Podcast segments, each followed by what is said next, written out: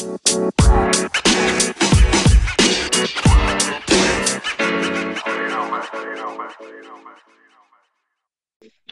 everyone, and welcome back to our podcast.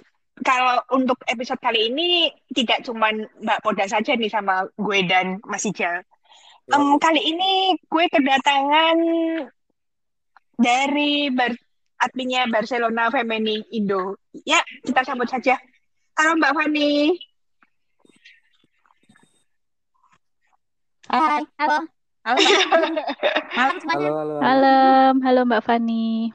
Halo Mbak Poda. Welcome, welcome. Welcome, welcome. Ya, em, kita kali ini ngebahas soal soal final Champions League kemarin. Ternyata ya cukup mengejutkan juga sih hasilnya, terutama di babak pertama itu ya. Em, Oke, kita langsung saja ngebahas pertandingan ini.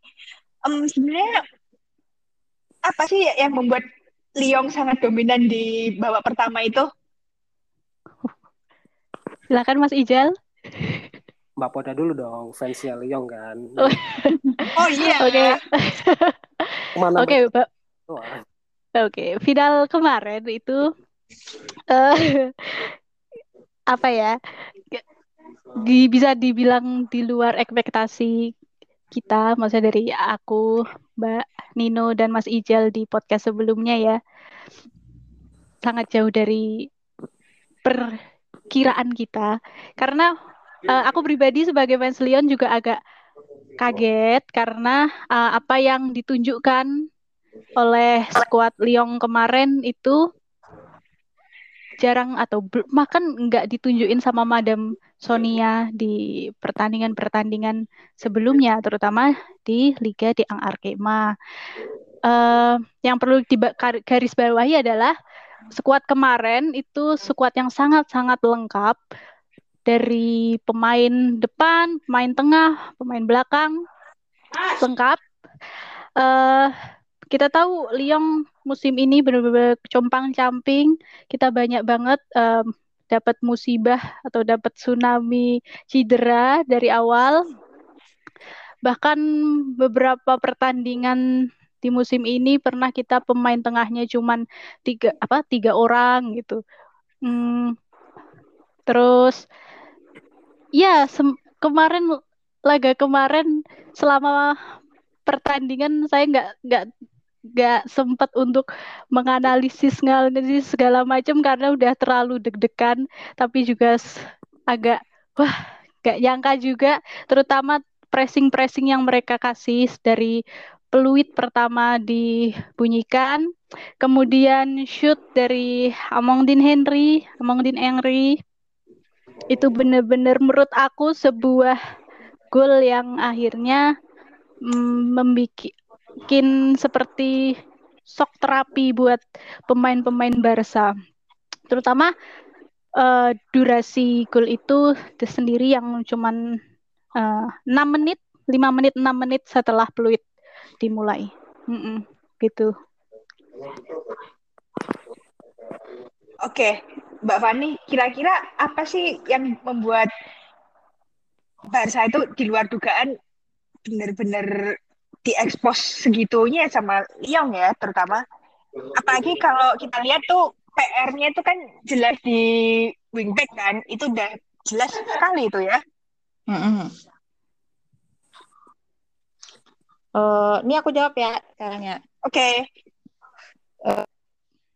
Bikin Barcelona tuh istilahnya kenapa mereka mereka tuh di apa di babak pertama tuh bobolan tiga gol.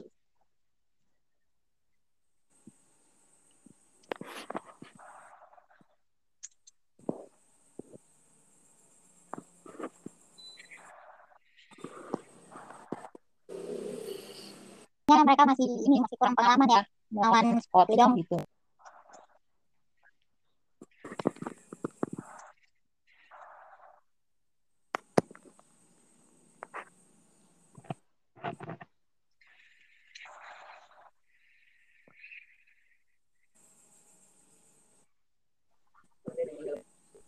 Mencoba untuk mengalihkan bola ke depan pergerakan itu tutup terus sama pemain Lyon.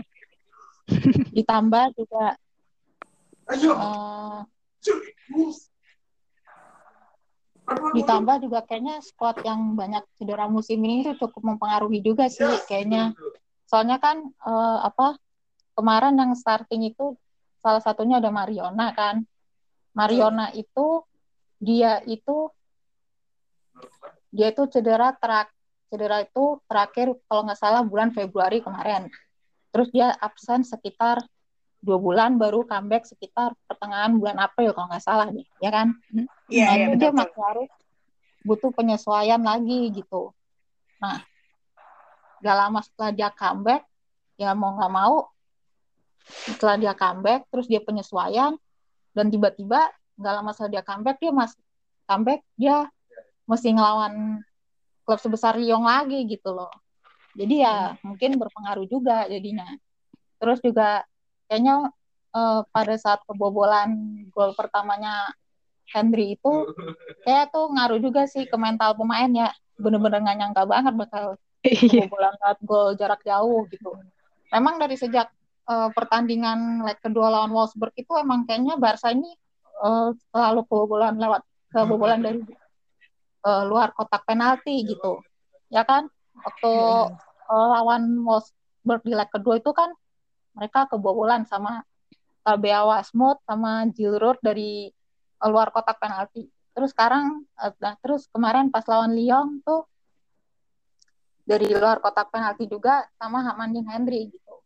Sama juga Mm-mm. oh ya sama ini juga sama dari set piece juga yang Barcelona. Gitu sih. Kalau menurut aku. Oke.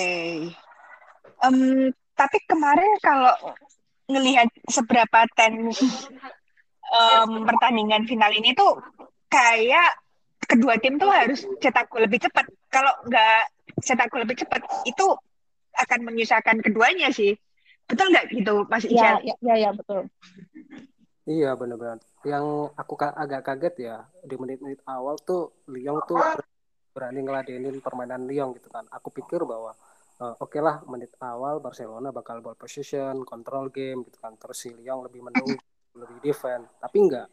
Jadi Lyon lebih melawan, lebih mendikte permainan dari Barca. Kemudian Barca itu kayak di menit ya let's say 10 menit 20 menit itu agak bingung antara Alexia maupun eh, Aitana itu bingung mau ngalirin bola ke depan Hermoso, CGH ataupun Mariana Caldente itu agak kan. Yang aku garis bawahi di sini adalah peran dari Lindsey Horan ataupun Amandine Henry ini deep banget, deep dalam artian Iya. dia bisa menjaga Alexia, bisa Aitana maupun Patrick Guayaro. Gimana caranya tiga pemain ini nggak bisa ngalirin bola ke depan dan itu dua peran eh, apa si Amandine Henry sama Lindsey Horan tuh gokil banget sih. Dia bisa menahan itu Ya, semua, betul betul. kontrol game. Kemudian ketika si Lyon dapat bola, dia lebih sabar, lebih sabar gimana cara kontrol game jangan sampai pertandingan ini dikuasai sama Barcelona nih gitu kan. Akhirnya bola-bola dari Amandine Henry maupun Lindsey Horan itu dialirin ke sayap antara di Selma Baha, Basa ataupun ke El Carpenter. Dan akhirnya ya kayak gol Amandine Henry itu kan salah satu ya nggak bisa ngejaga si Amandine Henry sama Lindsey Horan sebenarnya. Kayak dapat challenge kan si Patrick Guiaro kalau nggak salah dapat bola kemudian diserobot Ya, sama betul. Messi, kemudian di shoot dari tengah gitu kan. Dan satu gol itu kayak shock terapi sih buat, buat Barcelona kayak anjir menit awal udah kebobolan nih. Kok kayak kaget gitu kan. Akhirnya mereka agak berantakan permainannya. Makanya berantakan akhirnya ya terjadilah gol kedua, gol ketiga dan salah satu apa ya yang jadi bingung tuh antara Mapi Leong sama Ren Paredes gimana dua orang ini itu kayak nggak ada chemistry. Job desk-nya tuh dia jaga siapa dia jaga siapa itu kayak kebingungan gitu kan. Makanya setelah gol pertama itu Barcelona agak panik. Kemudian tahu Lyon tuh. Wah Barcelona agak panik nih. Kita press terus aja kita press press. Akhirnya ya mereka panik sendiri.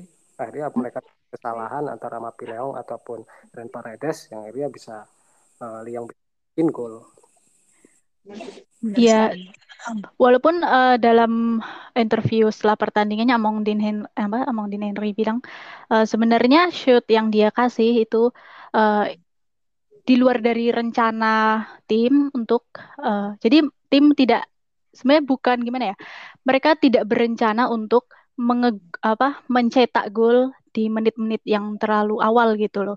Karena mereka uh, berusaha untuk menguasai bola dulu. Jadi uh, Amangdin bilang begitu dia mendapat kesempatan untuk menembak, ya dia tembak walaupun dia nggak tahu itu bola akan ke mana gitu. Tapi begitu dia tembak dan bola meluncur dan dia melihat oh ini kayaknya arahnya ke pojok nih. Dan dia lihat oh kayaknya directionnya bagus gitu. Dan ternyata gol uh, ya ya akhirnya menjadi uh, apa ya ya kebahagiaan lah buat skuad Lyon gitu. Dan setelah gol itu benar kata Mas Ijal Lyon paham dan tahu bahwa ini sebagai shock terapi untuk Barca dan mereka berhasil menguasai momentum dan nggak mau kendor. Jadi tetap meng, apa tetap menjaga momentum itu hingga akhirnya gol kedua. Jadi gol ketiga gitu. Well ya ya ya.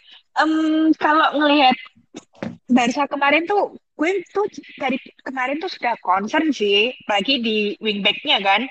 Di mana Fridolina Rolfo itu kan sebetulnya bukan untuk wingback kan kita semua tahu kan tapi ini kayak masih terus aja gitu loh padahal sebetulnya Frido itu dibeli harusnya untuk menggantikan seorang Jenny karena kan Jenny itu dari awal 2022 tuh udah jeblok performanya dia tuh. Sebetulnya sih itu sih.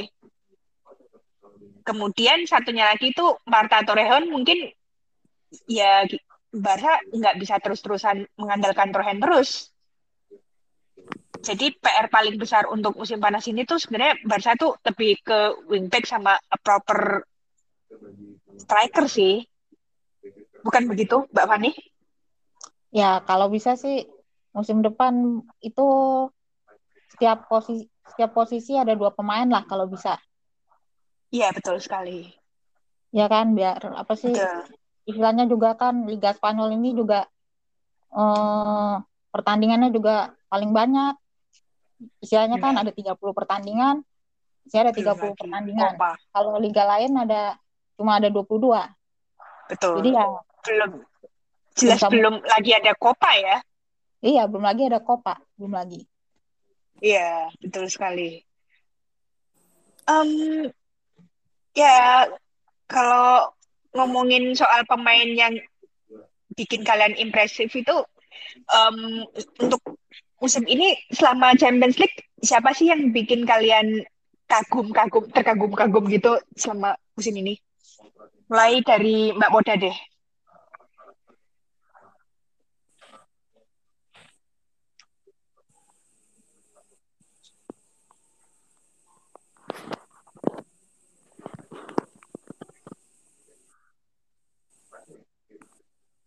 Oke, Mbak Moda. Atau mungkin masih jauh dulu. Kira-kira siapa sih pemain yang cukup bersinar di Champions League musim ini? Uh, musim ini ya, musim ini terlepas dari final antara Lyon sama Barcelona, sebenarnya uh, di dua klub ini sebenarnya aku yang ada yang jagoin gitu kan.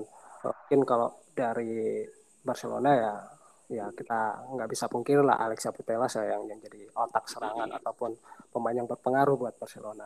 Tapi untuk buat Lyon yang aku lihat ketika udah masuk quarter final ataupun semifinal ada Hegelberg ini adalah kunci sebenarnya. Ketika babak fase grup itu kayak kesulitan gimana bikin gol gitu kan antara Malvin Malap kemudian uh, Kaskarino juga. Tapi ketika udah masuk quarter final yang mereka bisa mainin ada Hegelberg sampai semifinal dan final ini sebagai pembeda sebenarnya kayak, kayak puzzle-nya Lyon nih udah udah lengkap gitu kan ketika di fase grup kehilangan striker Hegelberg akhirnya bisa masuk. Nah ini nih yang kita butuhin. Akhirnya kita dapat goal getter ataupun killer.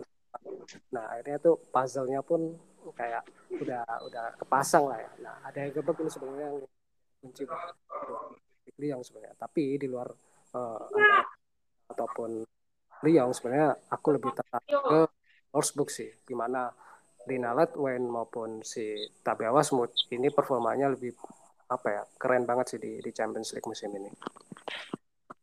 Hmm, Oke, okay. kalau Mbak Fani gimana?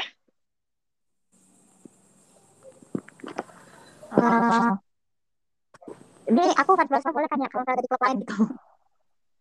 Betul, betul. Boleh. Ini tidak cuma dari kedua finalis aja sih ya.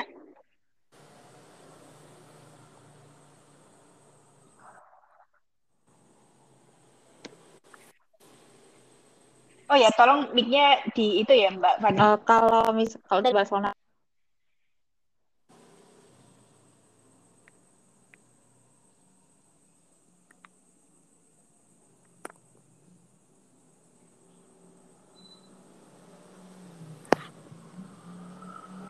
siapa?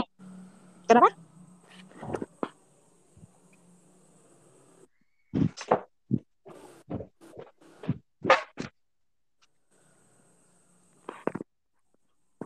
Oke, Mbak Fani. Ya, uh, Udah ya, gimana Nia? menurut Mbak Fani? Iya, udah, udah. Eh, langsung ngomong aja. uh, ya jadi kan menurut aku uh, kalau pemain yang paling impresif, impresif ya tadi pertanyaannya ya, Mm-mm. itu Alexia Putellas sih kalau dari Barcelona. Soalnya kan Alex kalau aku perhatiin Alexia selalu bikin perbedaan ya. Kayak misalnya eh, perbedaan ya. Kayak misalnya eh, di final Liga Champions gitu kemarin di saat eh, timnya main buruk dia masih bisa bikin perbedaan dengan cetak gol. Terus Mm-mm. juga eh, apa eh, pas apa kayak misalnya lawan Wolfsburg kemarin tuh eh, apa istilahnya dia tuh kalau misalnya kalau yang lainnya nyetak gol pasti dia nggak eh, apa nggak ketinggalan untuk mencetak gol gitu itu sih kalau misalnya dari klub lain ada Egerberg karena kan dia juga baru apa sih eh, Comeback. eh, baru comeback dari cedera ACL-nya gitu Mm-mm. dan bikin lagi dan lagi-lagi ya bikin perbedaan juga buat klubnya Lyon Oke. Kalau Mbak Poda gimana? Kalau aku, eh kedengeran nggak sih? kedengaran-kedengaran Kedengeran, oke. Kalau aku, ya tetap Silma Basya sih.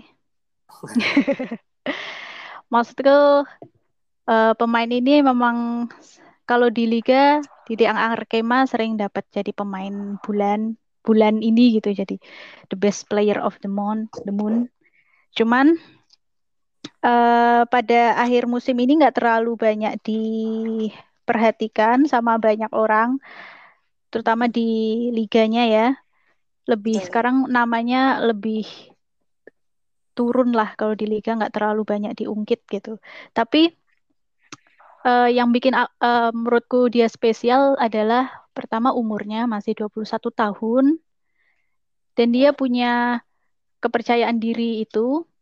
Kemudian gol kedua eh kedua ya, gol kedua antara Basya dan Ada itu juga bukan gol pertama kali yang mereka tunjukkan. Artinya link up mereka berdua ini kan sebenarnya dari semifinal udah terlihat dari semifinal dan kalau di liga sering banget juga eh, kita lihat crossing-crossing dari Selma Basya yang yaitu tadi dari eh, sayap kemudian crossing dan disambut oleh Ada. Dan kupikir gol kedua antara eh, Lyon dan Barca yang terjadi lagi-lagi karena eh, apa namanya link up dari Basya dan Ada itu menurutku skuad Barca udah mempelajari itu harusnya ya harusnya itu bisalah diantisipasi dan aku yakinnya skuad Barca apa Barca udah belajar untuk antipas eh, mengantisipasi hal tersebut cuman ternyata ketika final kemarin hal itu terjadi gitu Eh, Barca bisa memberikan crossing dengan angle yang sangat tipis kemudian disambut oleh eh, ada Gebert. Eh lagi Basya punya apa ya namanya ya kedewasaan. Kalau di podcast podcast yang kemarin kan kita udah bahas ya tentang bagaimana kemampuan Basya untuk crossing, untuk memberi umpan. Dia punya kalau set piece juga Basya yang akan ambil gitu. Eh dia tapi yang yang aku pengen garis bawahi adalah kepercayaan diri dia kemudian dia juga berani duel beberapa kali uh, dia berhasil mematahkan serangan-serangan dari Barca terutama yang sebenarnya cukup riskan kemarin adalah uh, uh, itu ya apa namanya di kotak penalti ketika uh, Jenny Hermoso mau shoot kemudian sama Basya dia apa namanya diinterupsi waktu itu uh, Jenny sempat jatuh juga di kotak penalti depan gawang yeah. uh, itu itu itu benar-benar apa ya ke, keberanian keberanian seorang Selma Basya untuk mengambil itu untuk akhirnya memutuskan untuk melakukan itu karena kalau tidak kalau dia tidak berhati-hati kalau dia tidak punya kepercayaan diri yang baik gitu hal itu justru bisa membahayakan uh, skuad Lyon gitu.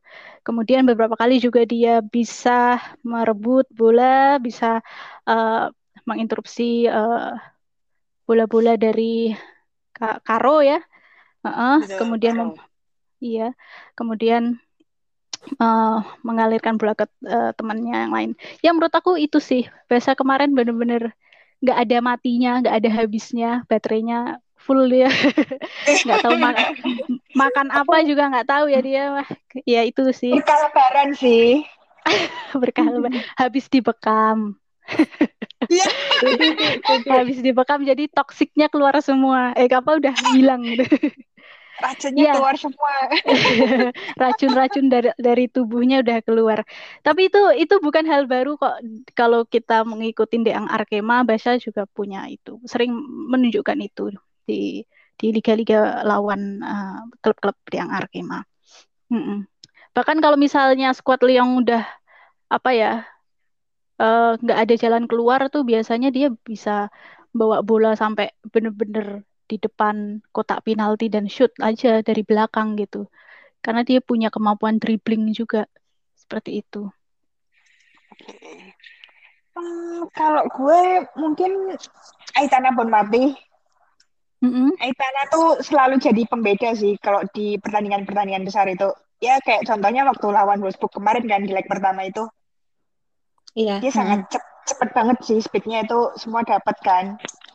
Ya mungkin musim ini tuh termasuk salah satu musim terbaik Aitana sih. Mm-hmm. Itu yang gue garis bawahin. Selain itu mungkin ada Tabea Wasmut sih. Dia itu emang di luar dugaan sih sebenarnya tapi Wasput itu karena kan ya jujur aja itu musim pertama dia di Champions League banget ya siapa yang nggak nyangka sih mau jadi top skor di bawahnya Alexia itu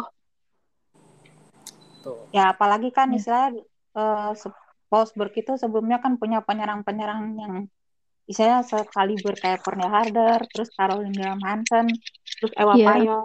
Jadi wajar aja sih fans kayak menaruh ekspektasinya tuh jadi kayak tinggi juga ke Tabea dan ke Tabea hmm. Wasmut gitu dan fans berpikir Tabea Wasmut tuh nggak bisa memenuhi ekspektasi mengingat uh, striker-striker yang yang dipunya Wolfsburg sebelumnya itu tadi seperti uh, Pernil Harder, CGH dan Ewa Payor. Iya. Kalau John Dostir gimana nih? John Dostir ini Dostir. termasuk pemain yang cukup menarik sih. Yang hmm. sering di garis bawah ini, yang perlu kalian garis bawah ini tuh long throw-nya itu, itu bisa menjadi bumerang buat lawan sih ya itu. Iya. Waktu lawan Barcelona agak takut banget sih sama long throw in-nya si Jones Dotir. Iya. Dia jadi iya. pemain yang stand out sekali kemarin. Benar, benar. Takut banget. Takut kebobolan lewat set piece.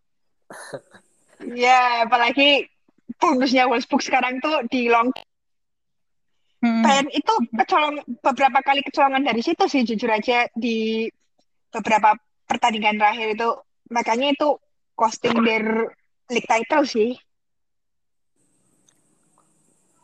Betul, tapi yang aku pertanyakan kemarin dari line up Barcelona ya, kenapa Mario Caldente ini dipasang sebagai starter gitu kan? Yang aku lihat ya oke okay lah performanya lawan Lyon kemarin oke okay gitu banyak banyak kontribusi tapi menurutku eh, kayak dia habis cedera yang lama itu kayak belum tune in aja sama tim utama padahal di di apa namanya di bench itu masih ada Asisa Oswala ya kan yang mungkin bisa hmm. Siap ataupun Claudio Pina Claudia Pina yang lebih siap gitu kan. Tapi nggak tahu di lini depan kemarin tuh kayak ada kayak ada yang missing aja. Uh, Caroline Mason jadi Hermoso juga kayak anjir di depan nih ngapain nih? gitu. Ketika si Marina Caldente juga pegang bola kemudian bingung dia mau selesai sendiri atau mau passing ke CGH ataupun Jenny gitu kan. Jadi salah satu kelemahan kemarin yang di di Barcelona kemarin tuh kayak lini serangnya nih sebenarnya. Marina Caldente ini benar-benar belum belum siap banget buat buat uh, main di final kemarin. Padahal ya yang aku bilang tadi di bench masih ada Asisak ataupun kalau dia Pina ataupun Ricky Martin mungkin yang mungkin bisa dicoba gitu. Tapi ya itu tadi salah satu kenapa Barcelona susah buat bikin gol juga uh, Mariana Caldente ini masih masih belum tune in.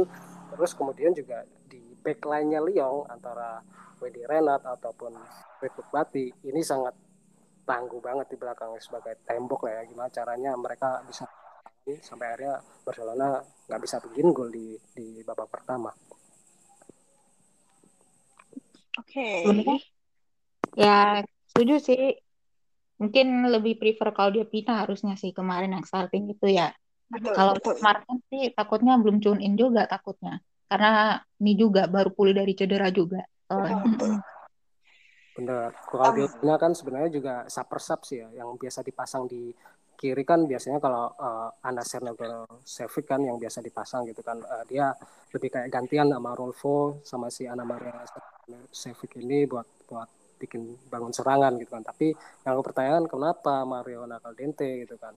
Yang aku lihat levelnya ini masih masih belum bisa tune in di, apalagi sekelas pertandingan final ya. Agak keselin ya soalnya Mariona ini soalnya. Tuh. apa apa Enggak, soalnya dia tuh musim ini tuh cederanya dua kali sih cederanya. Pertama itu kalau nggak salah pas dia pas international break sekitar bulan November apa ya kalau nggak salah. Itu dia cedera terus mm -hmm. absen sekitar sebulan apa sebulan deh kayak kalau nggak salah sebulan sebulan kan. Terus dia balik lagi comeback terus habis itu tidak internasional lagi habis itu dia cedera lagi terus absen dua bulan habis itu gitu loh oh makanya sempat agak kesel juga sama Vilda bisa si Mariona tuh baru aja uh, pulih dari cedera tuh dipanggil lagi gitu Jalan juga salah satu problem Barcelona untuk musim ini adalah cedera pemain ya. Kita tahu lah Mariona Caldente, Ricky Martin itu kan dibekap cedera yang mungkin ya yang bisa apa ya buat Barcelona ini kayak performanya agak turun gitu kan. Kita tahu lah di depan IKH, Junior Hermoso, Ricky Martin. Tiga pattern ini yang yang biasa di depan kan. Ketika ada missing seorang Ricky Martin tuh kerasa banget sebenarnya. Mereka kayak anjir nggak bisa ngegolin nih, anjir nggak bisa kreatif nih, nggak bisa serangan. Nah, salah satunya Martin yang absen karena itu. Tapi ya kayak Barcelona juga nggak ada pilihan lain. Bahkan si Anam Sedogos David pun ya bisa ditarik ke depan buat misi uh, apa namanya penyerang sayap gitu kan. Oke. Okay. Um, oh, iya. kira-kira ya. kalau ngomongin kedua finalis ya, kira-kira PR-nya di bursa transfer musim panas ini siapa sih? Apa posisi apa sih gitu? Uh, kalau aku sendiri ya, kalau buat Barcelona tetap back kiri sih. Back kiri uh, si Leila Owab ini kayak yang masih terpinggirkan lah, masih belum belum cukup untuk levelnya uh, bermain Barcelona ya. Ketika dia ya menyerang oke okay, tapi ketika bertahan ya masih agak males-malesan buat cover up di belakang gitu kan. Benar juga gitu kan. Jadi salah satu PR terpenting sih Barcelona di bek kiri kemudian penyerang sayap nih antara nanti Lique Martin cedera. Ini siapa penggantinya? Ketika Lique Martin cedera kayak Barcelona sendiri kayak Ana Maria Serno sendiri ditaruh di depan yang mungkin bukan posisi yang oke okay buat dia yang harusnya itu diisi oleh Rolfo kan yang yang di depan gitu kan bayangin besok kalau misalnya Barcelona dapat back kiri yang proper, yang oke, okay, yang bisa tune in sama Barcelona, aku yakin Rolfo bakal ditaruh di depan gitu kan, yang yang jadi mau. Iya. Tapi untuk Lyon sendiri ya ini agak masalah ya karena Eli Carpenter kita tahu kemarin cedera ACL. Nah ini uh, back kanan ini perlu ada tambahan ya meskipun ada uh, Yanis Kaiman yang yang ada di backupnya Eli Carpenter tapi menurutku levelnya masih berbeda sama Eli Carpenter jadi back kanan harus harus dicari sih sebenarnya untuk beliau. Mm -hmm. Kalau Mbak Poda gimana? Kalau lihat dari rumor-rumornya kan Buchanan mau cabut ya, tapi nggak tahu ya ini Ya, apa apakah nanti akan beneran terjadi atau enggak. Tapi ya aku nggak apa-apa sih kalau Buchanan cabut itu aja. Terus, kan cabut ya paling enggak eh, ngisi satu fullback lagi lah jangan ya eh, untuk bati terus ya yang dipasang iya terlalu berat ya. Kemarin dia dimain dimainin juga karena eh, Carpenter harus cabut apa namanya cedera juga gitu. Tuh. Mm-mm. Oke. Kalau menurut gue sih mungkin kalau Liam yang pertama jelas backupnya Eli Carpenter karena dia bakal absen lama kan. Mm-mm. Ya bersyukurlah lah em, Piala Asia tuh udah bulan Januari kemarin jadi tidak perlu pusing-pusing. Em, kemudian mungkin em, backupnya Daniel Van der Donk kali ya. ya bisa jadi Daniel Van der Donk Ya, gue pikirnya sih dari kemarin sih itu sih. Ya. Kemudian kalau Barca mungkin gue wingback mau right back ataupun left back semua butuh. Yang kedua pengganti Jenny Hermoso itu sih pasti sih. Karena harus ganti tukang gedor sih ya pasti itu. Karena Jenny tuh udah mulai turun dari awal tahun. Hmm. Betul, performanya udah turun, kemudian yang kemarin rumornya udah kenceng banget Viv Maidema bakal gabung ke Barca, eh akhirnya bertahan gitu kan. Ini jadi PR banget nih Barcelona untuk lini depan nih benar-benar harus ada satu ini kan maksud. Bener. Em, kalau soal Viv tuh sebenarnya kayak lagu lama sih. Pasti tiap mau akhir musim tuh pasti ada rumor-rumor kayak gitu. Tapi ujung-ujungnya pasti stay dia tuh. Pasti stay, pasti stay Pak. karena kunciannya ada di ayangnya ya karena PR gitu. Mak Lisa, Mak Lisa. Yang bikin berat itu sebenarnya Lisa gitu loh. Yang bikin berat si Maidema bakal. Wah, Iya bener. Em, yang bikin berat tuh memang Lisa. Followers gue ada yang nggak mau si Medema alasannya karena Medema terlalu deket sama Lita soalnya. Ya, itu, itu terlalu benar sih. Cuman ya apa ya? Kalau dari historisnya Midema tuh satu mereka memang sudah membeli sebuah rumah kan di Saint Albans. Jadi apa kayak mereka bakalan excuse-nya ke situ. Iya dan harusnya ya kalau kalau aku jadi Barcelona ya beli paketan aja lah Lisa sama Viv Maidema. Paketan dua Ya. pemain, Viv Maidema dimainin, ntar Lisa nggak kepake ya nggak apa-apa sebagai anak gawang kayak sebagai apa kayak. Atau sebagai kayak kayak ya tahu Emma Burn Ya benar.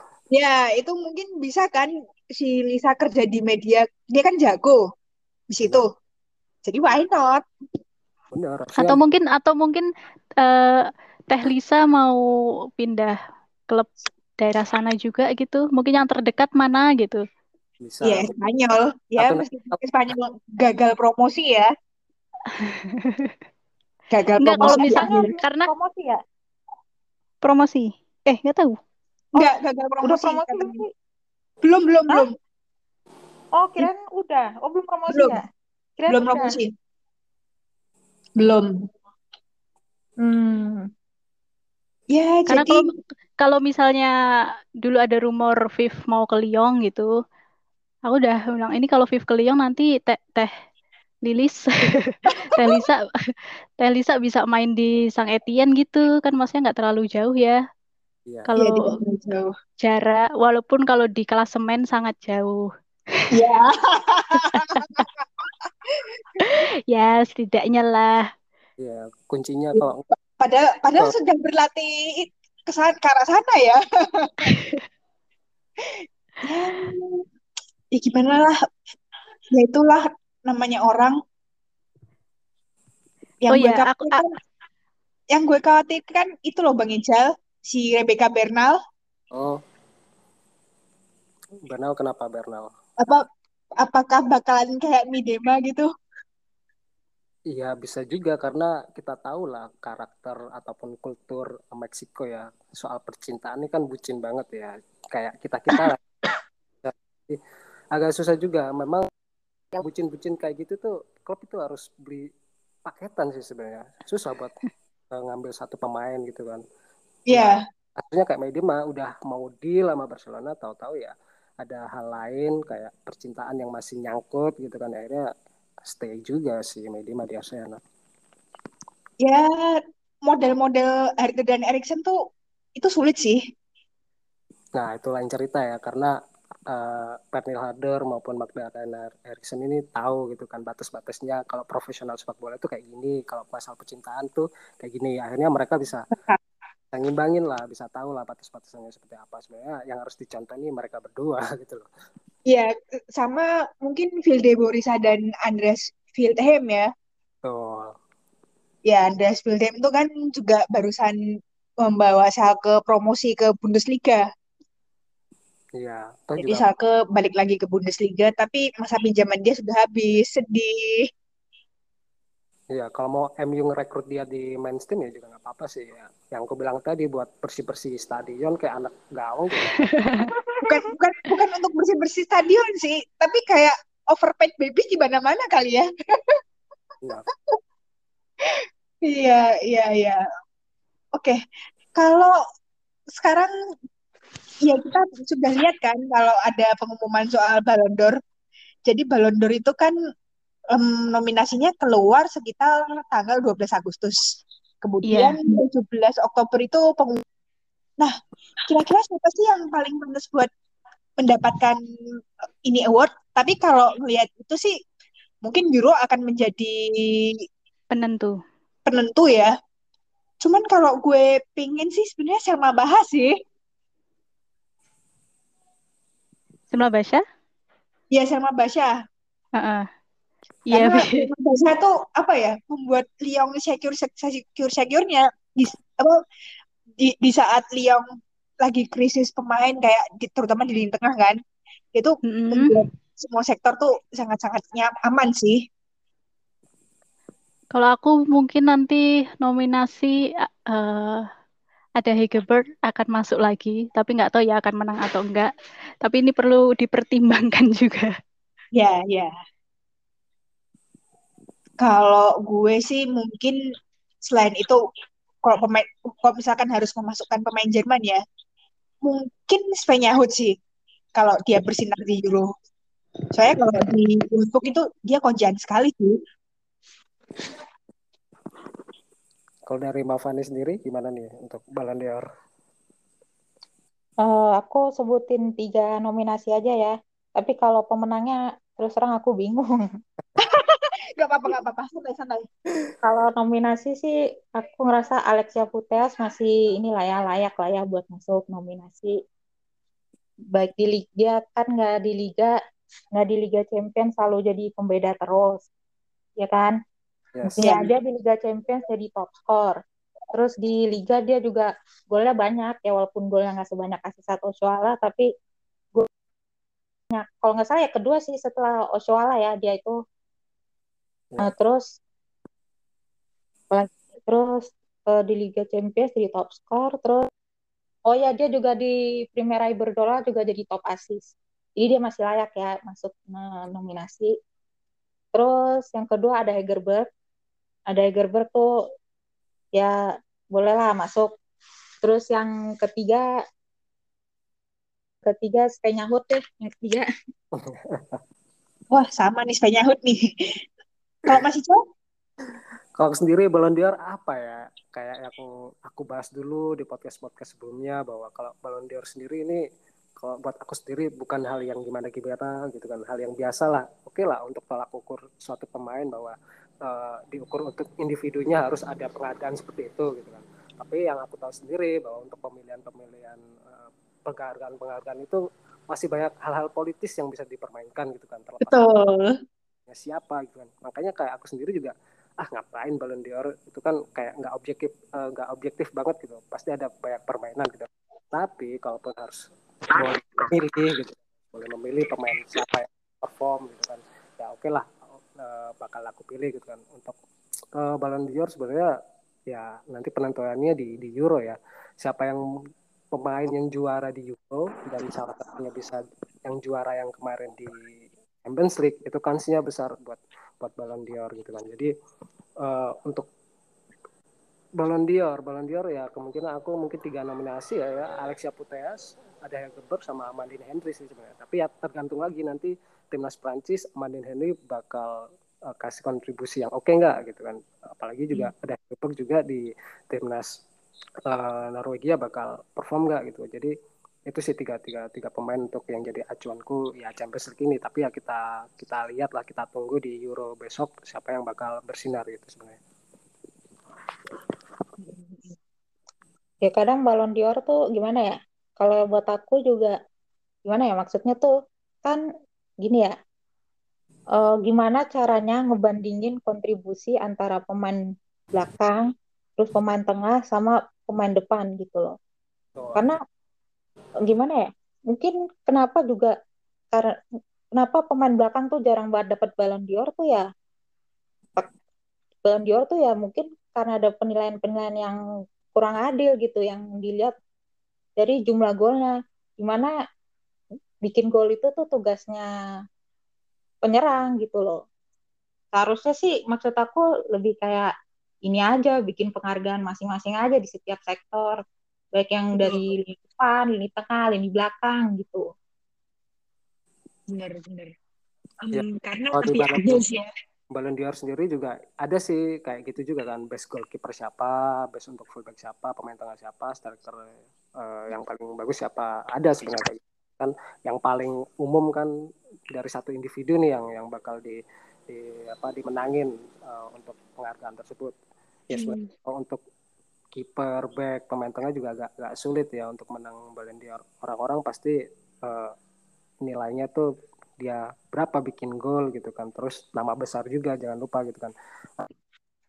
Orang untuk mengenal pemain ini kemudian kontribusi golnya berapa itu sangat, sangat penting sih. Jadi makanya kayak aku yang bilang tadi Ballon d'Or menurut aku nih biasa-biasa aja gitu nggak usah yang diributkan yang menang ini nih yang menang ini bakal ini. Kalkulator banget ya. Betul. Karena ini pemilihan pemilihannya pun aku tahu sendiri ini kan banyak faktor politis gitu kan. Jadi banyak yang hal yang nggak objektif sebenarnya yang yang terjadi di pemilihan ini gitu sebenarnya. Makanya kalau yeah. bakar kalau buat aku ya biasalah siapa pun yang menang ya terserah gitu kan. Hmm, okay. ya kita tunggu Woman Hero dulu deh. Karena ini bakalan bener-bener nentuin banget ya Betul. Kalian pada pegang klub mana nih? Tim mana? Untuk Euro? Untuk Euro? Iya. Yeah. Hmm. Mbak Fani mungkin Mas deh. Hmm? Oh, oh, oh, oh, tunggu, tunggu, tunggu, tunggu. Um, Andrea Staskova cabut dari Juventus, teman-teman sekalian. Aduh. Siapa yang cabut dari Juventus? Andrea Staskova. Hah? Staskova benar cabut? Ya. Yeah. Ke mana? Ke mana? Nah, itu belum ada kabar lagi ya. Tapi kan rumor-rumor yang beredar itu kan ke Jerman. Nah, kita nggak tahu nih siapa nih klub Jerman yang paling beruntung nih. sayang banget. Satu kopa cabut. Iya, sayang banget. Tapi... Big banget sih buat Juventus.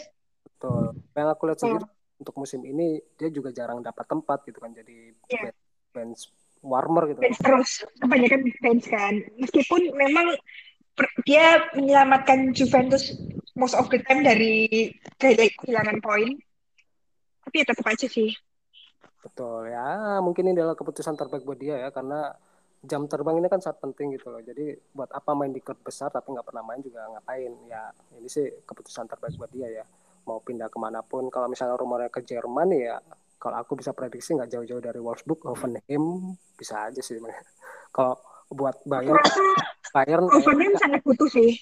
Ya kalau Hoffenheim oke okay lah butuh dia. Hoffenheim ataupun Eintracht Frankfurt. Eintracht Frankfurt itu untuk mendukung perannya Laura Fregan oh. apalagi kan ini Champions League setelah enam tahun. Ya enam tahun. Ya paling nggak bisa masuk Eintracht Frankfurt, Hoffenheim atau Wolfsburg lah untuk start. Ya, kalau Wolfsburg kemungkinan agak sulit ya karena udah banyak kan banyak sekali yang di posisinya dia. Ya mungkin yang the best itu ya Hoffenheim sih kalau gue lihat sih. Atau Eintracht sih. Ya kalau pindah ke Wolfsburg mah sama aja kan. Di Juventus mm -hmm. ada orang main, ketambah lagi di Wolfsburg. Iya, pernah main Iya. Iya. Atau mungkin rasa sedikit kali buat mendukung Sani Sansi dan Amayur. Tapi kalau Statskova cabut dari Juventus, siapa nih bakal penggantinya di Juventus? Masih belum ada rumor ya, penyerang Belum ada. apa yang masuk ke Juventus masih belum ya? Belum, belum. Hmm, kemudian, ya, lagi ya, enaknya um, mungkin ngomongin soal jagoan kalian di Euro itu siapa sih? Gimana Mbak? Jagoan kalian di Women's Euro siapa sih? Euro, silakan. Ayo jagoannya silahkan. Mbak Fani mungkin Spanyol ya? Iya Spanyol. Kita pas. Cuma jujur, cuma jujur nggak yakin juara sih kalau Vilda kayak gitu. Vilda. Iya, Vilda tuh memang sumber-sumbernya ya. Ya, Ya sama kan? lah kayak Perancis. Diakre. Mm, Iya, iya, iya. Ya semua timnas tuh ada problemnya sih. Di Dan kenapa ya? Jerman. Kenapa selalu selalu pelatihnya gitu? Karena apa ya? Apa ya? Kayak ada beberapa faktor. Jadi kalau contohnya di Jerman tuh kayak no defense just vibes. Gue sebenarnya memang sih dari dulu tuh waktu pertama kali ngikutin women's football tuh orientasinya selalu Jerman kan. Tapi Mm-mm. gue tuh nggak terlalu yakin-yakin amat Jerman tuh bakalan juara lagi. Ini bakalan makan waktu lama sih. Ya mungkin kalau untuk juara sih yang paling possible tuh Swedia sih. Gue lihat sih ya. Hmm. Dari Tapi segi kalau men- kalau menurutku kayaknya untuk tim besok nggak ada yang lebih menonjol dari yang lain. Maksudnya semuanya kayaknya ya sama ya. Sama, Sama gitu. ya. Mm-mm. Iya Oh. sih. Prancis sendiri Soalnya kayak nggak ter kayaknya nggak terprediksi siapa yang juara atau susah Iya. gitu prediksi siapa yang Untuk juara. memprediksi iya bener. Untuk prediksi itu susah. Lagi kalau Atau Inggris kan Inggris kan bermasalah di seleksinya ya kan. Mau milih siapa sih gitu. Ya dari semua lini sih oke-oke semua sih. Cuman tinggal memilih line up-nya aja sih. Sarina itu. Atau jangan-jangan tiba-tiba Norwegia gitu yang menang. Ah, jadi. kalau Norwegia kan juga sebenarnya Martin Jobin juga ada masalahnya juga sih. Apa tuh? Ya apa ya? Kadang dia tuh nggak terlalu banyak plan B sama kayak Vilda sih. Hmm.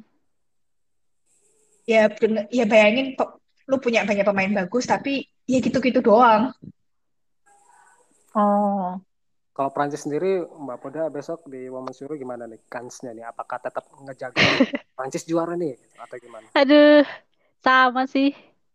Kayaknya Hopeless juga nggak yakin, nggak yakin aku Prancis akan menang. Ya, terutama, aduh ya ngerti lah. Diakre, Madam Corin Diakre akan memilih siapa. Prancis tuh nggak kekurangan pemain bagus, cuman ya itu tadi yang dipilih, yang dipilih itu kok ya seperti itu. Apalagi kok ada eh, lini tengah dipegang Bilbo, aduh itu mah orang nggak tahu mau ngapain di tengah itu. Diakre, Diakre. Sebenarnya tuh apa ya? Tinggal cara mengolahnya aja sih. Semua tim tuh punya kans. Tinggal itu aja sih. Mengolahnya Bukan. gimana sih gitu. Gini, gini loh Mbak, mengolah, iya mengolah, tapi kan ibaratnya tuh komposisinya kalau kita mau buat kue kompet Iya. harus memilih komposisi yang baik, bahan yang Iya, baik betul. dulu, Iya. yang terbaik. Baru nanti rasanya pasti mempengaruhi kan. Nah, kalau misalnya memilihnya, mohon maaf ya nih dia eh, Madam Diakro kok kayaknya memilihnya agak yang berdasarkan dan ada bumbu-bumbu permasalahan individu gitu. Jadi, ya, aduh susah juga untuk uh, mendapatkan kompetisi komposisi yang bagus. Belum lagi nanti gimana juga uh, apa ya?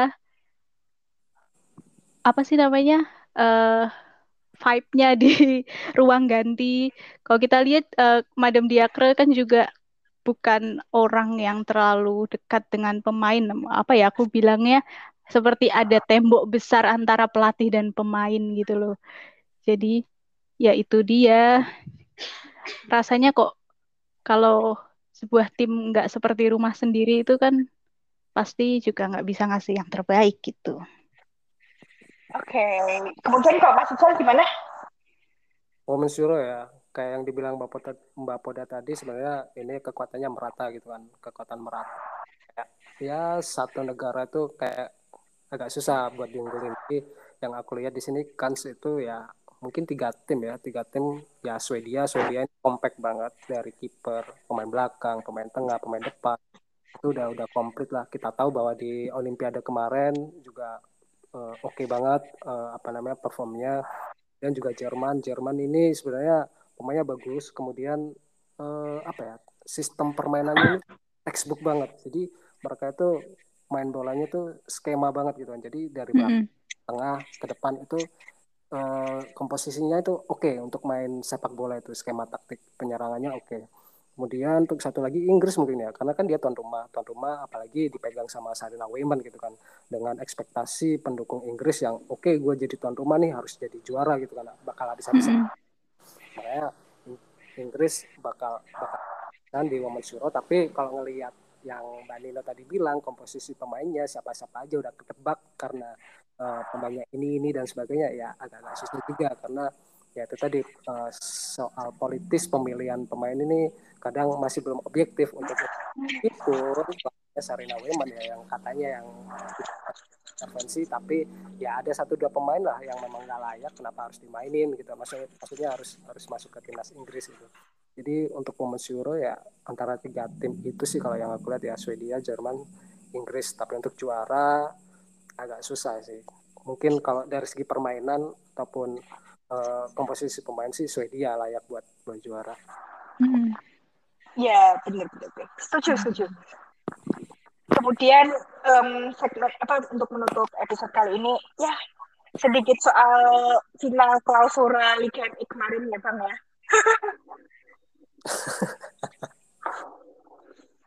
ya itu ya kita, udah tahu sih sebenarnya. Oke, okay, Chivas bakalan juara.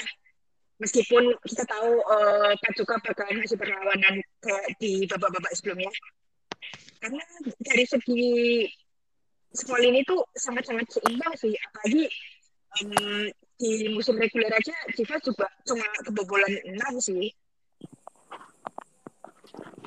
betul dan udah lebih siap sih sebenarnya dari Pacuka gitu kan bahwa di leg pertama mereka bakal habis-habisan di kandang Pacuka uh, bisa bikin banyak gol dan Pacuka sendiri juga di kandang sendiri kayak agak nervous, agak kebingungan gimana ini lawan uh, Sivas gitu kan di leg pertama. Ya akhirnya di leg kedua pun yang memang harusnya Sivas harus mati-matian pun agak kesulitan juga gitu kan. Akhirnya cuma bikin satu gol dan agregat ya 4-1 ya nggak nggak nolong juga. Dan ya balik lagi di fase Liguila ini kan uh, Sivas nih apa ya performanya itu bagus banget lah tanpa ada celah mereka menang terus dan komposisi pemainnya juga lebih lebih kompak gitu kan. Jadi Walau ya, sedikit struggling waktu lawan Chivas ya. Tuh, ya lebih lebih lebih siap lebih siap sih si Chivas. Kemudian ketolong juga ada Lisa Fer, uh, Cervantes yang sebagai top scorer ini salah satu mungkin kalau di Eropa ini uh, ada Hegerberg ya mungkin ya ditaruh di Betul. Jadi segala posisi, segala peluang itu kalau di kakinya Lisa Cervantes nih pasti bisa bikin gol gitu. Jadi atau uh, Fernandes uh, Cervantes sama juga si Jaramillo ya sebagai backup. Iya, Jaramillo.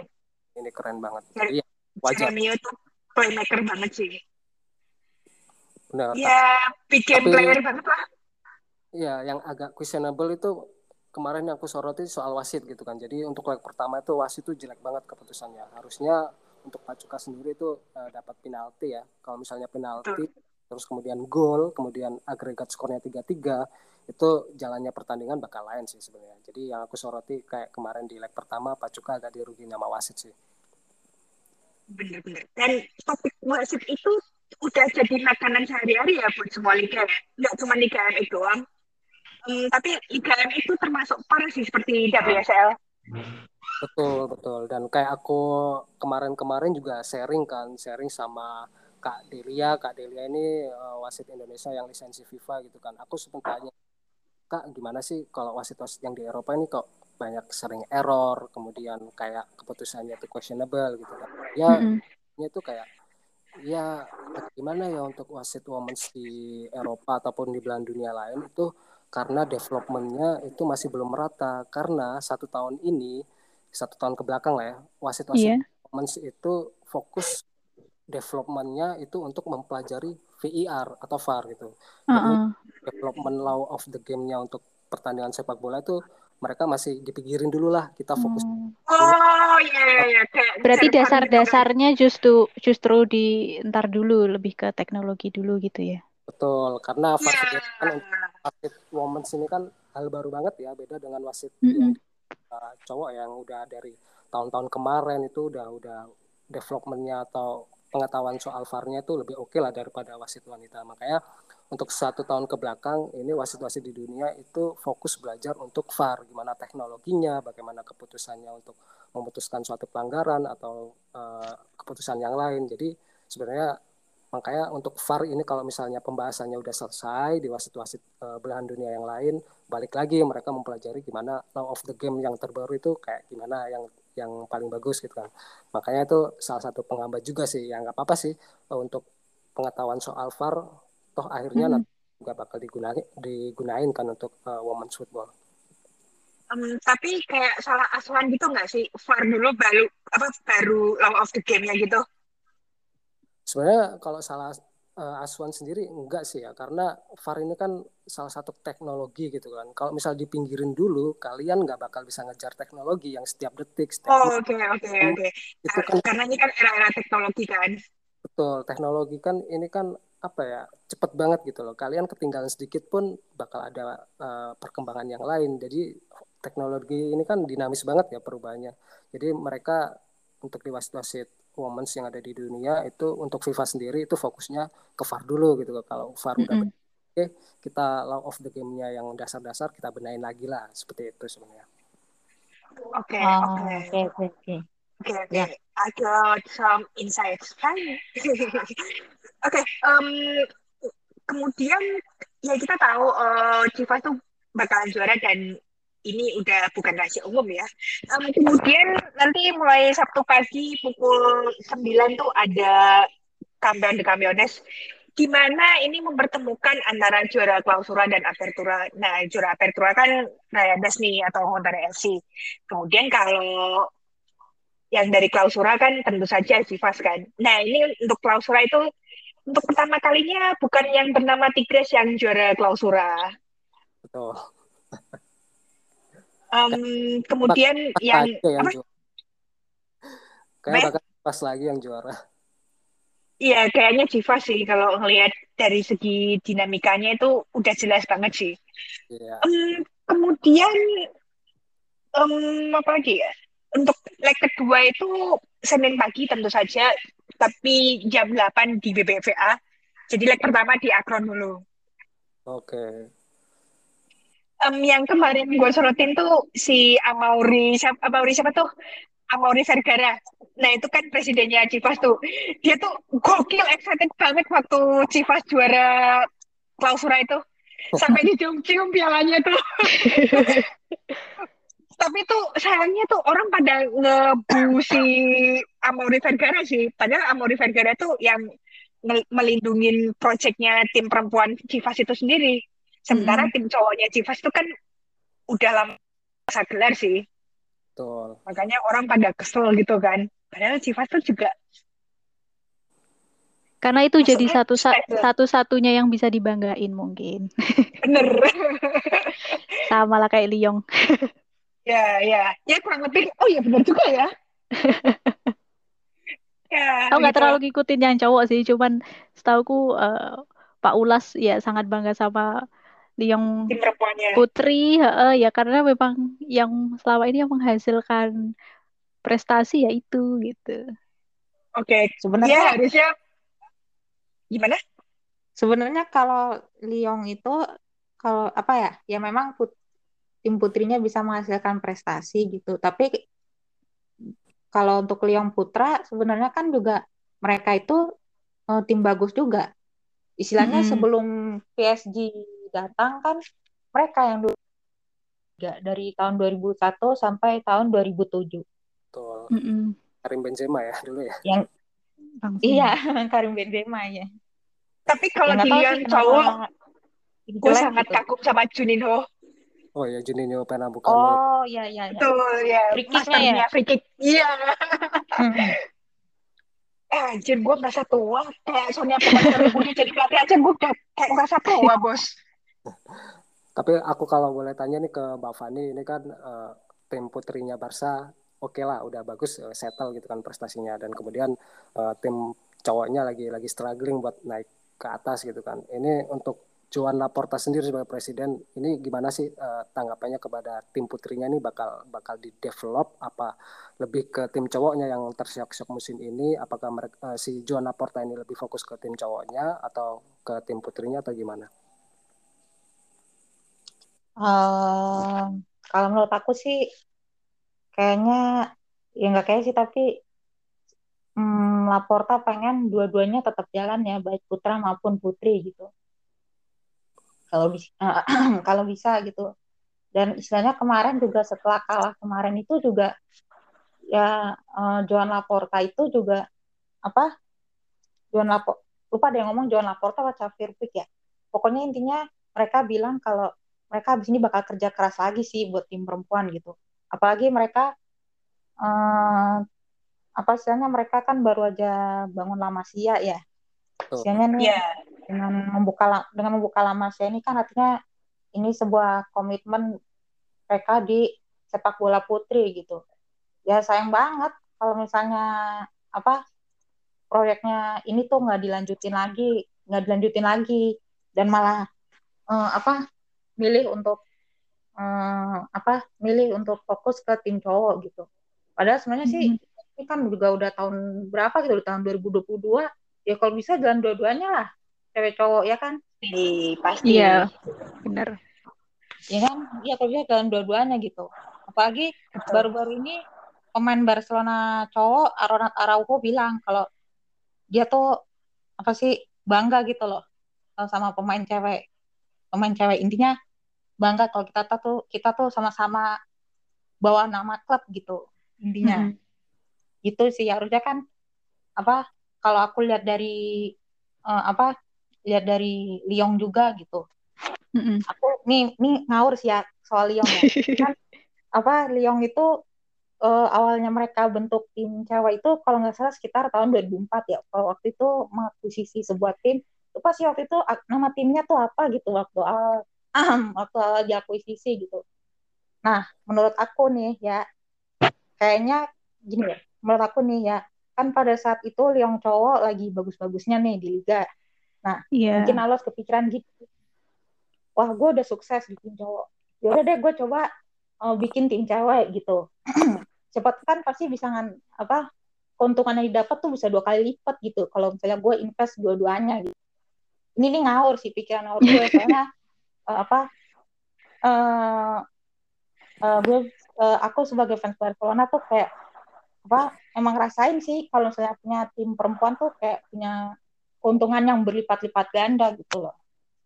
Apalagi kan kalau misalnya nanti eh, apa baik tim cowok maupun tim ceweknya bener-bener di bener-bener di develop banget, mana tahu nanti kita bisa apa juara Liga Champions barengan. Belum Asik. ada klub yang bisa barengan juara Liga Champions barengan ya kan? Ya kayak Mm. Iya, betul. sekarang betul. aja gitu. Barcelona itu satu-satunya klub yang udah pernah juara Liga Champions baik cewek maupun cowok gitu. Belum ada Iya. klub yang bisa begini. Ya kan? Jadi Iya. kan Iya. keuntungannya itu bisa berlipat ganda gitu. Gitu sih. Kalau ngomong kalau ngomongin keuntungan untuk saat ini iya mungkin uh, women's club bisa ngasih keuntungan, tapi kalau kita balik ke 10 tahun yang lalu, maksudnya satu dekade yang lalu kayaknya uh, tim putri itu belum ada kelihatan akan menguntungkan ya saat itu. Benar-benar. Iya, betul betul. Belum ada pasarnya juga, belum ada yang yeah. menyiarkan segala macam. Kayak Jadi uh, coba-coba. Iya, bukan atau mungkin justru bukan bisnis karena memang pengen ngasih kesempatan aja untuk yang uh, pemain putri. Betul. Hmm, ya, ya. Menutup uh, episode kali ini sedikit update ya balik lagi soal Liga MX. Gimana Liga MX bakalan ada perubahan untuk musim depan? Jadi pertama itu bakalan ada VAR. Ya, VAR ini bakal diterapin waktu Liguila alias fase playoff. Ya, di mana ini sebuah berita yang cukup positif sih, mengingat wasitnya itu kan bener-bener disorot banget sejak awal itu performanya. Jadi kayak Presiden Liga MX Mikel Ariola tuh kayak pengen cepet-cepet, pokoknya Van harus bisa deh gitu. Akhirnya hmm, jadilah diterapin gitu. Kemudian yang kedua itu klub Liga MX bisa mendaftarkan pemain asing sebanyak empat pemain. Gimana sebelumnya cuma ada dua pemain. Ya ini kayak sebuah perdebatan di Meksiko itu sendiri karena Liga MX Feminin itu kan baru lima tahun. Jadi ada beberapa orang di sana itu bilang belum waktunya untuk nambah kuota pemain asing gitu sih. Kemudian untuk kategori under 17 itu diubah namanya jadi ya, apa kayak dipecah jadi 18, 19 dan 20 gitu. Buat mm, apa tetap memantau perkembangan pemain muda di sana. Kalau menurut Mas Ijil gimana sih soal penambahan pemain asing jadi empat itu? Untuk penambah menurut aku sendiri ya. Untuk saat ini sih belum belum belum pas lah ya. Belum pas karena ya kita tahu lah uh, pemain-pemain Moments Meksiko ini nggak kurang-kurang talenta. Pemain-pemain itu bagus-bagus gitu kan. Jadi untuk pemain asing buat aku dua atau tiga pemain lah udah cukup. Itu kan buat ngangkat exposure sebenarnya. Ngangkat exposure untuk Liga MX dikenal oleh uh, penjuru dunia loh. Karena ini Liga MX ada pemain asingnya dan pemain asingnya ini bukan yang ecek-ecek gitu kan. Mereka ngambil dari mungkin dari NWSL gitu kan yang pemain yang gitu kan. Tapi untuk saat ini untuk pemain asing empat yang aku bilang tadi potensi pemain Meksiko untuk pemain lokalnya tuh bagus-bagus gitu kan ya. Ya nanti bakal berefek ke timnas gitu. Ketika di musim ini atau musim kemarin yang mungkin dua pemain asing aja ini masih terhambat untuk regenerasi uh, timnas Meksiko sendiri bahkan tersiok-siok gitu kan agak kesusahan juga di Concacaf.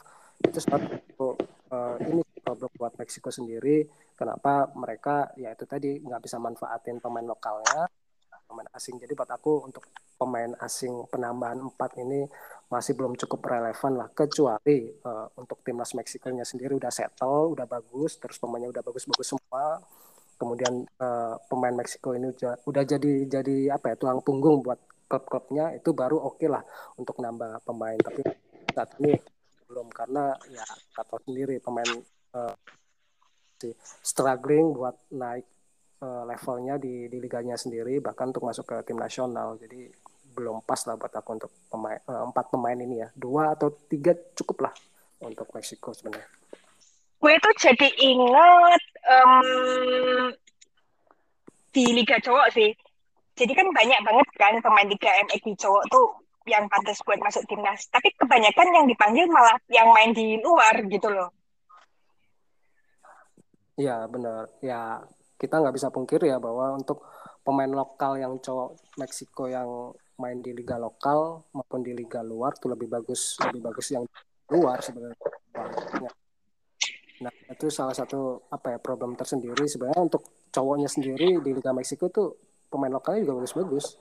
Tapi ya mau gimana lagi ketika di luar negeri pemainnya bagus-bagus ya kenapa nggak dicoba gitu tapi untuk relate kembali ke women sebenarnya masih belum relate sih sebenarnya bahkan untuk satu klub di Liga Meksiko tanpa pemain asing mereka bisa ber ini kok bisa bersaing kok untuk uh, misal jadi juara atau ngelawan bisa menjual. Ya itu contohnya kayak Chivas sih. Chivas kan tidak sama sekali tidak memakai kuota pemain asing ya. Betul, tapi tetap bisa solid kok. Masih bisa solid kan. Salah satu contohnya kan Chivas nggak nggak punya pemain asing sih bisa juara Liga MX ini salah satu contohnya jadi buat aku untuk pemain asing masih masih, masih bahaya gitu kan kasihlah untuk pemain-pemain lokal Meksiko untuk naik gitu kan untuk slugging lagi dan muaranya ya ke timnas sebenarnya Betul. Dan sebenarnya kalau melihat squad yang dipakai sama Monica Vergara sekarang, ya itu menunjukkan sebenarnya opsinya juga sangat-sangat banyak untuk pemain timnas yang bagus-bagus gitu. Ini kebanyakan kan usia muda kan, belum lagi yang senior kan. Nah nanti waktu Piala Dunia 2023 tuh jika lolos, itu pasti bakalan pusing tuh siapa yang paling pantas kan. 23 tuh sangat ketat sih. Benar, kalau pemain asing sendiri ya yang yang aku bilang tadi ini sebenarnya Liga Meksiko ini tempat buat buangan pemain-pemain Amerika sebenarnya yang mereka nggak bersinar ataupun jarang bermain di uh, NWSL mereka bisa bisa di trade ke Meksiko sebenarnya. Tapi hmm. untuk buat aku sendiri klub di Meksiko tanpa pemain asing pun mereka bisa bakal bersaing. Ya itu berarti Chivas tuh lokal pride banget ya? Iya, ya. ibaratnya Atletic Club. Kayak basket basketan gitu lah kan kalau di atletik club gitu. Kalau mm -hmm. tuh Mexican Pride gitulah. Waduh. Benar dan Pride kayak klub di Meksiko sendiri yang punya pemain asing kan yang bisa sukses sukses kan cuma satu dua klub doang kan kayak misalnya Amerika Tigres Tigres Tigres, Tigres Rayadas dan Amerika tapi kalau Amerika ya baru Sarah Lupert aja kan. Kalau untuk pemain asing yang juara Liga MX itu cuma satu, Valeria Del Campo. Iya benar. Dan itu jadi salah satu tolak ukur gitu. Maksudnya ya tim yang bisa berprestasi, yang pakai pemain asing aja masih bisa dihitung pakai jari gitu kan. Yang lain nggak pakai pemain pun masih bisa berprestasi kok. Ngapain kalian pemain asing gitu sebenarnya. Hmm, kalau realitas itu kan memang masalahnya di gapnya aja kan. Kalau gap ini teratasi, ya mungkin bakalan kayak Tigres waktu jaya-jayanya sih ya. Yo, iya benar banget. Um, dan kemudian pelatihnya juga mendukung. Itu seharusnya udah paket lengkap sih. Ya, selain tadi bilang uh, pemain asing, ada kayak pembenahan wasit juga ya. Nah, ini salah satu banget sebenarnya. Kayak ada VAR, ini salah satu development dari Federasi Meksiko juga. Kalian baru Liga MX saja sih yang bakalan pakai VAR meskipun dari babak playoff ya. Iya kalau misalnya kalian nih nonton Liga Meksiko yang cewek gitu kan sebenarnya yang ramai itu bukan pertandingannya. Kalian ngelihat trending di Twitter tuh nama wasitnya sebenarnya. Nah ini yang salah satu jadi perhatian buat federasi gitu kan. Ya pada dan dibekali dengan pengetahuan VAR ini bagus. Karena di fase-fase Liguila kemarin tuh banyak keputusan-keputusan yang questionable sebenarnya.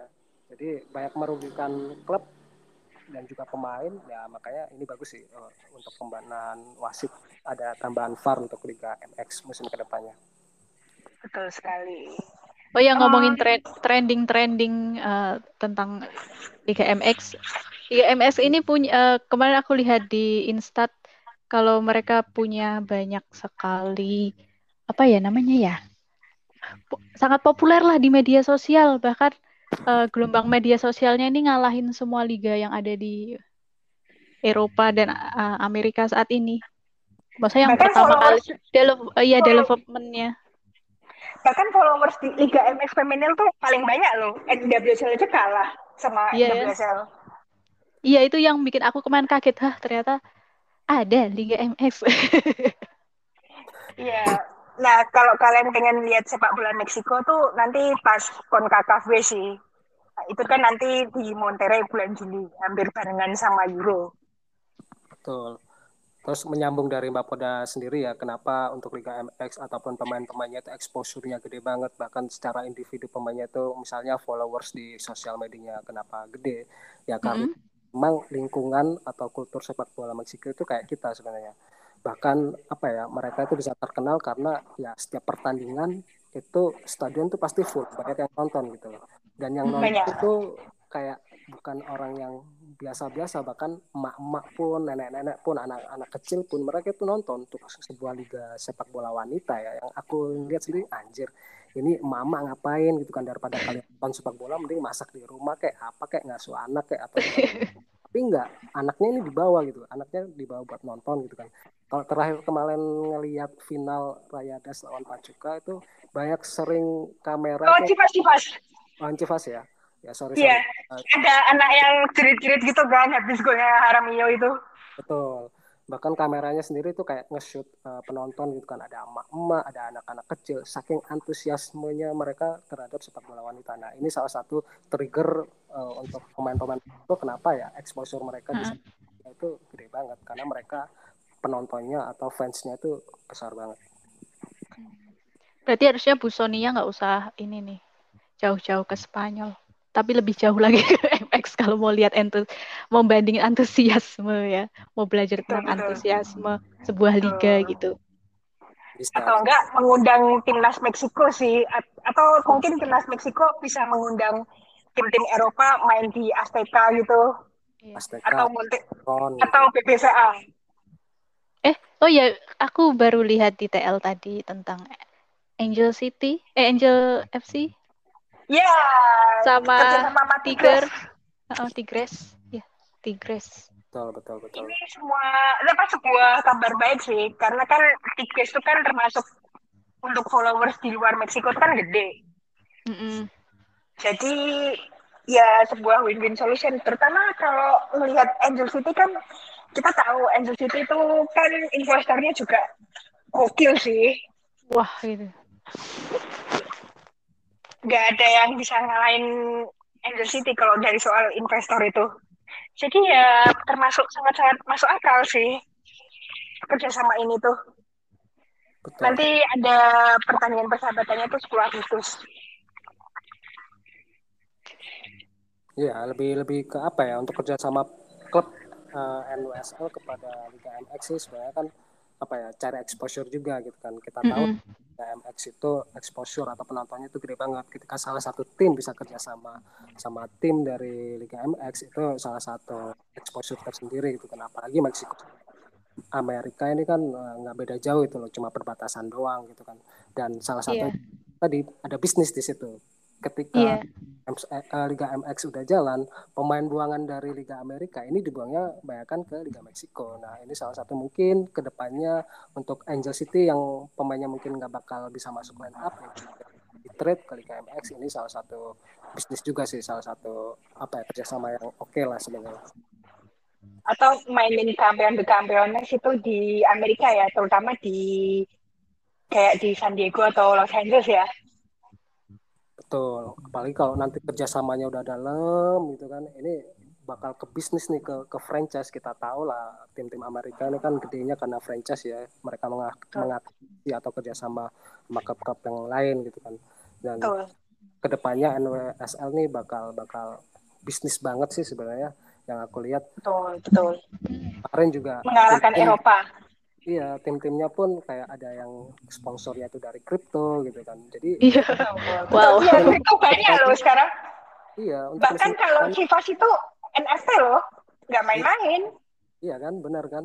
Jadi untuk musim ke depannya nih jangan heran bahwa nanti transfer pemain tuh dibayar nggak pakai uang, tapi dengan mata uang kripto ya. Jangan jangan kaget juga untuk musim depan. Wow. Jadi pemainnya Iya, tuh dijual di media sosial, dibeli secara NFT gitu kan. Terus Atau cara pakai Bitcoin. ya kayak eh, Stephanie Van Gintel kan juga dibelinya pakai kripto kabarnya. iya kan. Makanya kalau Liga Amerika ini sangat liberal banget lah, sangat sangat eh, apa ya? eh, lebih ke ekonominya ini sangat liberal banget lah. Betul sekali. Oke, em, sampai di sini dulu episode ke-33. Makasih banyak Mbak Fani dari Barcelona Femeni Indonesia. Ya, makasih juga ya Mbak Nin ya. Iya, sama-sama. Kemudian terima kasih juga Mbak Poda selama dua episode terakhir gitu. Ikut hahaha aja ya. Jangan Iya. Jangan kapok, jangan kapok nanti. Masih ada Euro. Masih ada Euro, masih ada Masih Piala, ada Euro. Piala Dunia. Ya, Betul. Eh, Euro kan kita masih uh, butuh inilah uh, insight lain dari timnas Prancis ataupun timnas Spanyol gitu kan kita nanti Spanyol. bisa sama Mbak Poda sama Mbak Fani gitu kan Oke banget.